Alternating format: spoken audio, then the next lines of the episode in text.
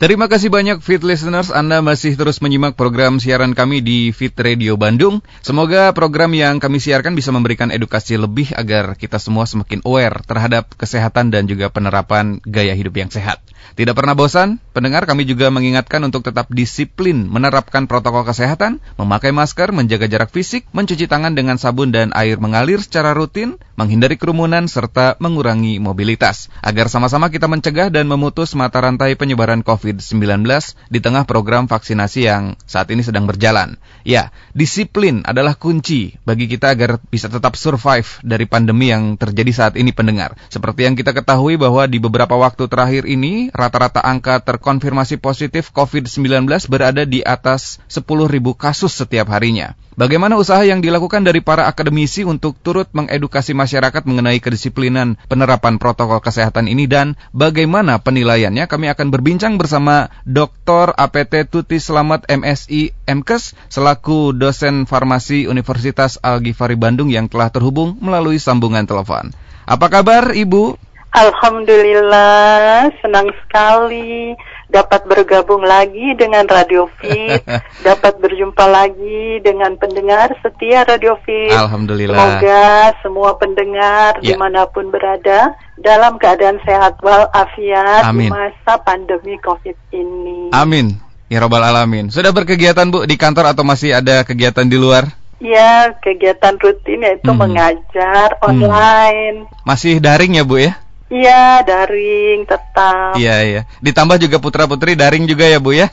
iya, betul. Semua sekarang daring. Semua sekarang daring. Bu, sebelum kita membahas apa yang menjadi tema bahasan kita hari ini mengenai kedisiplinan, sudah satu tahun ini, Bu. Kurang lebih ya, Bu ya. Sudah hampir satu tahun pandemi ini terjadi. Dan angka kasus terkonfirmasi beberapa waktu belakangan ini sudah menembus rata-rata di 10 ribu ke atas begitu, Bu. Angka kasus terkonfirmasi. Bagaimana Ibu ya. melihat kedisiplinan ini berpengaruh terhadap kasus terkonfirmasi, Bu?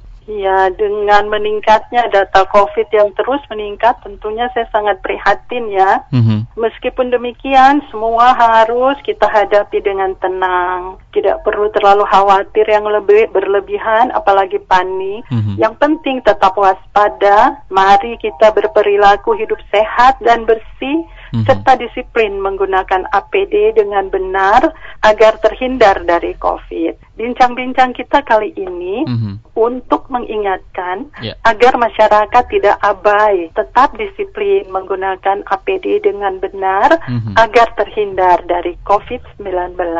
Baik, terima kasih tanggapannya Ibu dan pendengar Anda pun bisa bergabung bersama kami. Silakan menghubungi line WhatsApp ataupun juga SMS kami. Nomornya 0811 2102 948. Kami ulangi nomornya di 0811 2102 948 ataupun juga bisa mention kami melalui akun media sosial Twitter. Baik Ibu, terima kasih sebelumnya sudah bersedia meluangkan waktu di tengah kesibukannya hari ini bergabung bersama kami Bu. Dan iya. pandemi ini memang belum berakhir dan sepertinya memang masih akan terus berlangsung. Nah, Bagaimana Ibu, pandangan Ibu ataupun juga penilaian Ibu terhadap kedisiplinan masyarakat mengenai penerapan protokol kesehatan Bu untuk mengawali?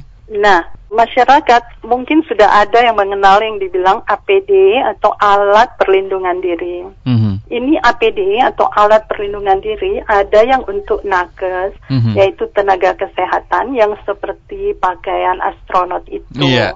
Tapi yang penting APD yang untuk masyarakat, mm-hmm. yaitu yang memang sudah biasa dipakai masyarakat apabila beraktivitas di luar rumah, mm-hmm. yaitu masker, yang kedua pelindung wajah, atau face shield, mm-hmm. dan ketiga sarung tangan. Mm-hmm. Masyarakat pun harus mengetahui manfaat dari masker, yaitu untuk melindungi kita dari partikel yang dibawa melalui udara yang atau droplet, yeah. cairan yang mengandung virus atau bakteri, sehingga penggunaan maskernya pun harus benar, mm-hmm. harus menutupi hidung, mulut, dan dagu. Mm. Masker itu ada berapa macam? Ada masker N95 yaitu penempatan pada wajahnya ketat. Hmm. Masker dirancang untuk tidak dapat rusak dengan mulut karena bentuknya seperti mangkok hmm. dan memiliki bentuk yang tidak mudah rusak. Hmm. Kemudian ada juga masker bedah yang direkomendasikan mm -hmm. dalam penanganan langsung pasien terkonfirmasi COVID-19. Dengan masker ini, pengguna dapat bernapas dengan baik saat memakainya. Mm -hmm. Dan masker bedah ini juga sudah lulus uji bakteria, filtration, efisiensi in vitro. Mm. Masker ini mudah ditemukan harganya terjangkau dan mhm. nyaman dipakai, mhm. sehingga banyak orang yang menggunakan masker ini saat beraktivitas sehari-hari. Mhm. Cara pakai masker bedah yang benar adalah sisi berwarna pada masker harus menghadap keluar, sementara sisi dalamnya yang berwarna putih menghadap wajah dan menutupi dagu, hidung, dan mulut. Sisi berwarna putih terbuat dari material yang dapat menyerap kotoran dan menyaring kuman dari udara. Mm-hmm. Meski tidak sepenuhnya mencegah paparan kuman, namun penggunaan masker ini tetap bisa menurunkan risiko penyebaran penyakit infeksi termasuk infeksi virus corona. Mm-hmm. Kemudian banyak masyarakat yang menggunakan masker kain yeah. untuk mencegah infeksi virus. Padahal mm-hmm. masker tersebut belum tentu efektif efektif hmm. karena belum lulus uji bakteria dan sebagainya. Namun hmm. masih bisa dipergunakan asalkan apabila akan dipakai harus diyakini masker tersebut bersih baru dicuci. Yeah. Kemudian setelah dipakai harus segera dicuci kembali. Hmm. APD yang kedua yang juga sudah sering dipakai masyarakat adalah pelindung wajah atau face shield. Hmm. Hmm. Manfaatnya untuk melindungi mata dan wajah pengguna dari percikan cairan mm -hmm. atau droplet. Mm -hmm. Materialnya terbuat dari plastik bening yang dapat memberikan visibilitas yang baik mm -hmm. bagi pemakainya. Yeah. Frekuensinya bisa ada yang sekali pakai namun dapat juga digunakan kembali mm. setelah dilakukan desinfeksi. Mm -hmm. Face shield ini tahan terhadap uap air dan dapat disesuaikan untuk melekat dengan kuat di sekitar kepala dan pas pada dahi. Hmm. Namun harus pun kita ingat apabila kita akan memakai pelindung wajah, yeah. sebaiknya tetap menggunakan masker. Hmm. APD yang ketiga adalah sarung tangan. Hmm. Manfaatnya untuk melindungi tangan dari penyebaran infeksi yang juga saat ini memang sedang berlangsung. Hmm. Telah banyak uh, masyarakat menggunakan ketiga APD ini pada saat beraktivitas di luar rumah. Mhm, Demikian. Baik, terima kasih. Ibu tadi sempat menyebutkan bahwa uh, masker kalau saya tidak salah itu sudah harus lulus uji bakterial filtration efficiency atau BFE begitu ya. Boleh dijelaskan Bu secara awamnya itu seperti apa Bu terkait BFE ini Bu? Nah ini memang masker tersebut ada beberapa uji-uji hmm. yang secara kalau masyarakat memang kurang jelas. Yeah. Ini memer memerlukan pengetahuan khusus. Jadi memang ini ada ahlinya yang akan hmm. melakukan uji-uji ini. Hmm. Tetapi kita harus yakin bahwa kalau masker yang sudah direkomendasikan berarti itu aman untuk kita pakai. Hmm. Dan yang sudah tersedia di pasaran begitu ya Bu ya? Iya. Apa masker kain juga sama efektifnya Bu jika memang ditambah beberapa lapisan begitu saat dipakai? Ya, memang masker kain juga bisa efektif, tetapi kalau dia terlalu tebal, dia hmm. dapat menghambat pernapasan hmm. kita gitu, jadi susah yeah, iya. napas. iya. Jadi ngap ya bu ya? iya, engap. jadi engap. Iya baik. Jika tadi juga ibu menyebutkan ada facial begitu ya, dan juga ada sarung tangan dari APD yang untuk masyarakat begitu gunakan menangkal penyebaran COVID-19 ini. Apakah memang harus tiga-tiganya dipakai bu secara bersamaan? Atau memang ini skala prioritas begitu Bu yang dimaksud dengan uh, tiga alat perlindungan diri dari COVID untuk masyarakat ini Bu? Nah, APD itu kan alat perlindungan diri, jadi hmm. perlindungan diri untuk kita. Hmm. Kalau memang kita mempunyai, boleh dipakai tiga-tiga kalau kita ya? beraktivitas hmm. keluar rumah, ya. hmm. ya. Hmm. Tapi kalau memang mempunyai salah satunya, hmm. ya silahkan dibolehkan mempergunakan. Yang penting mm -hmm. kita tetap menjaga karena sekarang kita harus ingat bahwa mm -hmm. sekarang sudah bukan lagi 3M jadi yeah. tetapi itu sudah menjadi 5M. 5M ya Bu. Boleh Pertama, dijelaskan Bu? Mm -hmm. membatasi mobilitas, mm. kedua menjauhi kerumunan, mm -hmm. yang ketiga mencuci tangan dan keempat memakai masker dan yang kelima mm. menjaga jarak. Mm -hmm. Baik. Berarti sekarang 5M begitu ya? Iya. udah udah nambah lagi M-nya. Nah, da dari sisi akademisi atau dari dari Ibu pribadi begitu ya. Selain memang APD ini bisa menangkal COVID-19 begitu, hal apa lagi Bu yang yang bisa dilakukan masyarakat untuk apa menangkal COVID-19 selain memang yang tadi M-nya bertambah jadi 5 begitu Bu? gini, ada cara gini ya betul ya. Mm -hmm. Ada cara mencegah dan menghindari virus corona dapat dilakukan dengan menerapkan perilaku hidup bersih dan sehat. Hmm. Pencegahan ini dianggap cara terbaik untuk menghindari penyakit karena sampai sekarang belum ada obatnya dan iya. vaksinnya yeah. pun baru saja mulai hmm. divaksinasi. Hmm. Bila memungkinkan jangan gunakan kendaraan umum hmm. karena di kendaraan umum sulit menjaga jarak Selalu jaga jarak minimal satu meter dengan orang lain, hmm. termasuk di sarana kesehatan, dan sering cuci tangan pakai sabun dan air mengalir, atau bila tidak tersedia, hmm. gunakan cairan pembersih tangan, hand sanitizer, hmm. yang minimal mengandung alkohol 60%. Hmm. Hingga saat ini belum ada pengobatan yang dapat menyembuhkan infeksi virus corona. Yeah. Oleh sebab itu, organisasi Kesehatan Dunia WHO menghimbau agar masyarakat tidak memandang enteng atau mm-hmm. memandang sepele penyakit ini dan senantiasa melakukan tindakan pencegahan. Mm-hmm. Salah satunya adalah dengan menerapkan social distancing. Selain itu, kini berbagai penelitian dan uji klinis vaksin COVID-19 juga sudah dan sedang dilakukan. Vaksin tersebut diharapkan dapat memberikan pencegahan terhadap penyakit COVID-19. Hmm. Demikian. Baik, terima kasih Ibu. Tadi juga sempat menyebutkan bahwa masyarakat ketika beraktivitas begitu ya, setidaknya uh, membawa perbekalan kesehatan seperti hand sanitizer begitu ya Bu ya, dengan iya. minimal kadar alkohol ini 60%. Nah, jika memang di bawah 60% atau di atas 60% itu seperti apa Bu? Efek samping begitu yang yang bisa terjadi ketika seseorang menggunakan menggunakan hand sanitizer di atas ambang batas itu, Bu? Ya, kalau kurang, kalau kurang dari 60 persen, kegunaan sebagai pembersih tangannya kurang maksimal. Hmm. Jadi memang yang minimal itu alkohol 60 persen. Hmm. Jika di atas itu memang lebih efektif begitu ya, Bu ya, untuk membersihkan kuman ataupun juga bakteri begitu ya, Bu? Gitulah. Baik. Pendengar Anda pun bisa berbincang bersama kami dan juga Ibu Tuti silahkan bisa WhatsApp dan juga SMS kami di 08 0811 ataupun juga bisa mention atau DM kami melalui akun media sosial Twitter. Baik, Ibu kita berlanjut lagi nih. Jika tadi memang kita membahas mengenai uh, langkah pencegahan begitu ya, Bu ya. Tetapi ketika seseorang yang sudah juga menerapkan protokol kesehatan tetapi juga terkena juga, ini indikasinya apa Bu sebetulnya? Oh iya. Hmm. Apa indikasinya? Betul.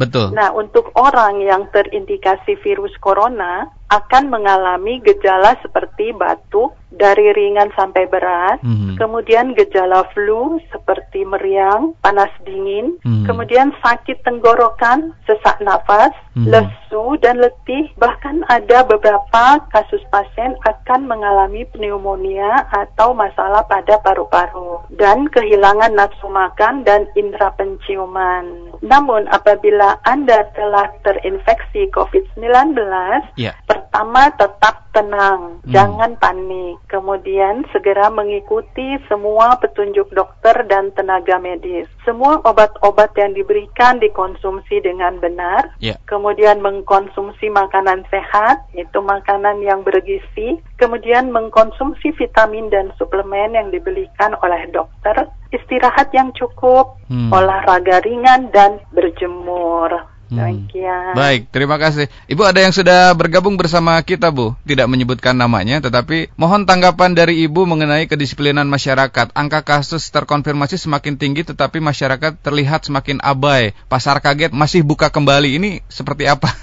Mungkin bisa ditanggapi, Bu. Nah, biasanya sekarang yang banyak terjangkit itu klaster keluarga. Jadi, hmm anak-anak anak sekolah itu yang kumpul dengan temannya mungkin makan di luar hmm. dia membuka pada waktu makan dia membuka maskernya. Nah, hmm. Nah, sehingga dia terjangkit perasaan dia kan sama teman-teman ini yeah. nggak apa-apa. Nah, ternyata ada yang terjangkit yeah. yaitu ke rumah membawa pulang Virus, sehingga ya? menjangkitkan hmm. kepada orang tuanya. Mm-hmm. Begitu, hmm. itu sekarang yang masyarakat. Tapi semoga masyarakat ini selalu harus tidak boleh abai. Jadi dia mm-hmm. di mana pun dia berada, walaupun uh, makan tuh harus tetap menjaga jarak. Hmm. begitu hmm. sehingga diharapkan kita bisa terhindar dari COVID ini. Amin ya rabbal alamin. Setelah hampir satu tahun lamanya bu kita juga selalu dikampanyekan mengenai protokol kesehatan ya bu ya. Tetapi memang angka kasus masih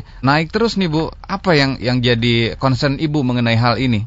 Nah, yang penting kita harus meningkatkan imunitas tubuh kita. Nah, baik. Imunitas karena kalau imun kita tinggi, insya hmm. Allah kita masih bisa terhindar dari COVID ini. Hmm. Menjaga daya tahan tubuh itu sangat penting daya tahan tubuh yang kuat dapat mencegah munculnya berbagai penyakit. Hmm. Untuk menjaga dan meningkatkan daya tahan tubuh, kita disarankan untuk mengkonsumsi makanan sehat hmm. seperti sayuran dan buah-buahan dan makanan berprotein seperti telur, hmm. ikan dan daging tanpa lemak. Hmm. Jika bosan dengan makanan yang dimasak, bisa kita membeli makanan siap saji atau makanan di restoran melalui layanan pesan antar. Hmm. Namun pastikan makanan tersebut harus bersih dan sehat. Hmm. Bila perlu, Anda juga menambah konsumsi suplemen sesuai anjuran dokter. Hmm. Selain itu, kita harus rutin berolahraga, tidur yang cukup, hmm. tidak merokok, dan tidak mengkonsumsi minuman beralkohol. Juga bisa meningkatkan daya tahan tubuh agar terhindar dari penularan virus corona. Beberapa informasi juga menyebutkan bahwa berjemur di bawah sinar matahari yeah. juga dapat mencegah infeksi virus corona. Hmm. Ada juga beberapa tanaman herbal nah. yang bisa kita yeah. konsumsi untuk memperkuat imunitas tubuh kita yang juga sudah diteliti oleh peneliti-peneliti dan juga sudah terbukti hmm. dapat meningkatkan daya tahan tubuh yaitu daun kelor. Daun kelor, Bu. Daun hmm. kelor ini men mengandung antioksidan yang sangat tinggi hmm. sehingga dia dapat meningkatkan daya tahan tubuh. Yang kedua yaitu juga cabai merah. Cabai merah hmm. ini mengandung vitamin C yang tinggi hmm. sehingga juga bisa memperkuat imun tubuh kita. Yeah. Yang ketiga jahe merah. Jahe merah hmm. ini mengandung ginjerol yang dapat menahan batuk atau flu. Mm-hmm. Juga dia dapat menghangatkan badan sehingga mengeluarkan keringat dan menurunkan demam. Baik. Kalau yang keempat ini ada juga tanaman herbal yaitu kencur. Kencur, kencur ini yeah. meningkatkan imunitas tubuh. Kemudian ada yang temulawak dan kunyit. Ini memiliki antioksidan sangat tinggi sehingga mm-hmm. sangat mhm. bagus untuk meningkatkan daya tahan tubuh.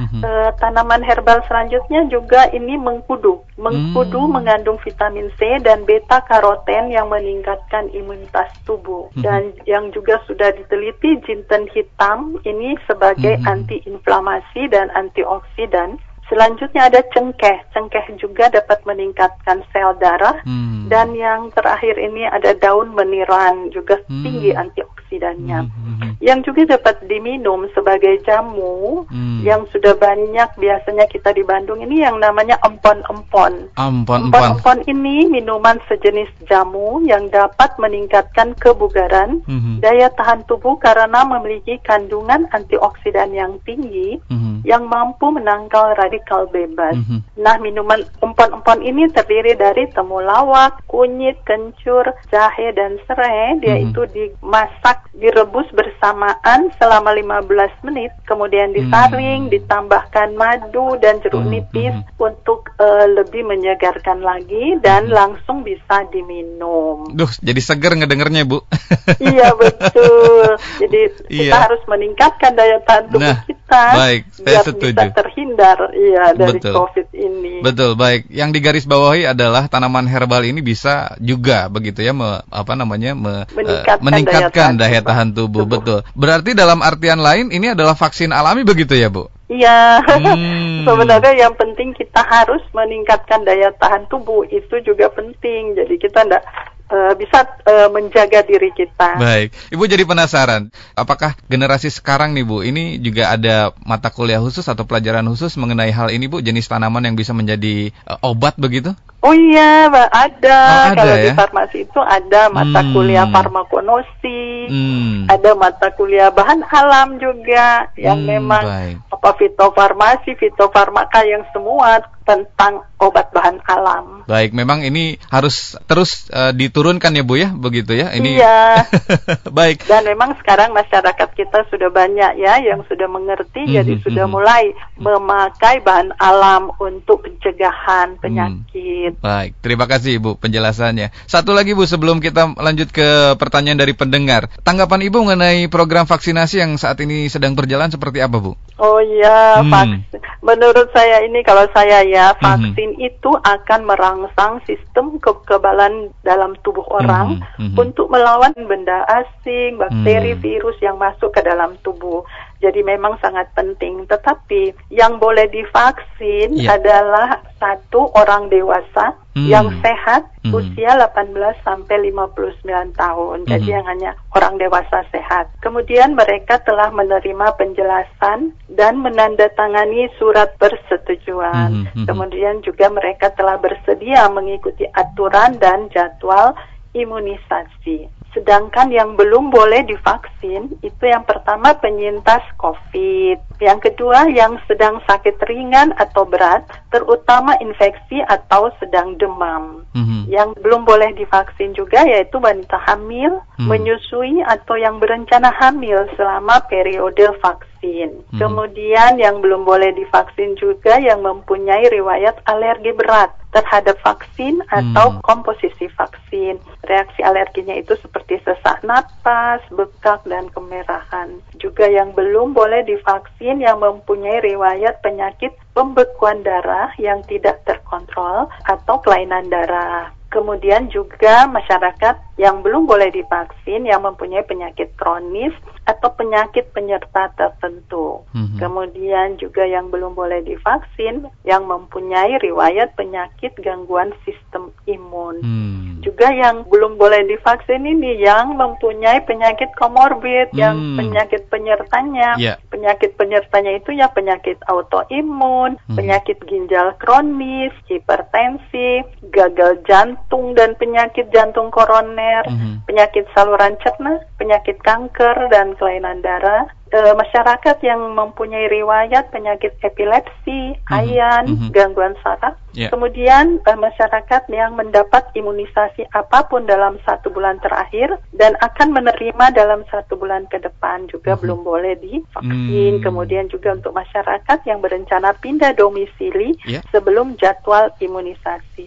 selesai. Mm, baik. Baik, terima kasih. Tapi optimis ya Bu ya, program vaksinasi ini bisa membawa kita keluar dari masa pandemi Bu? Ya, kita harus optimis. Amin, amin. Terima kasih Bu. Kita berlanjut ada Bapak Ferry di Mitra Dago. Ibu seperti apa cara mengolah tanaman herbal untuk mendapatkan manfaat dan apa aman untuk segala usia? Begitu Bu pertanyaannya kebanyakan tanaman herbal ini dikeringkan, ya akan dikeringkan dulu, mm -hmm. kemudian dia dipotong-potong halus, mm -hmm. dikeringkan, mm -hmm. dan kemudian baru diolah. Ada yang yang aman yang langsung digodok, mm. bisa kita langsung minum langsung mm -hmm. gitu. Direbus Demikian. begitu ya bu ya? Setelah dikeringkan iya, ya bu ya? Dikeringkan. Jadi tanaman herbal itu kita potong-potong. Sebelumnya tentunya dicuci bersih. Mm kemudian dirajang, dipotong-potong, kemudian dikeringkan. Dikeringkannya bisa langsung di bawah sinar matahari, biar lebih aman, kemudian hmm. bisa langsung kita seduh.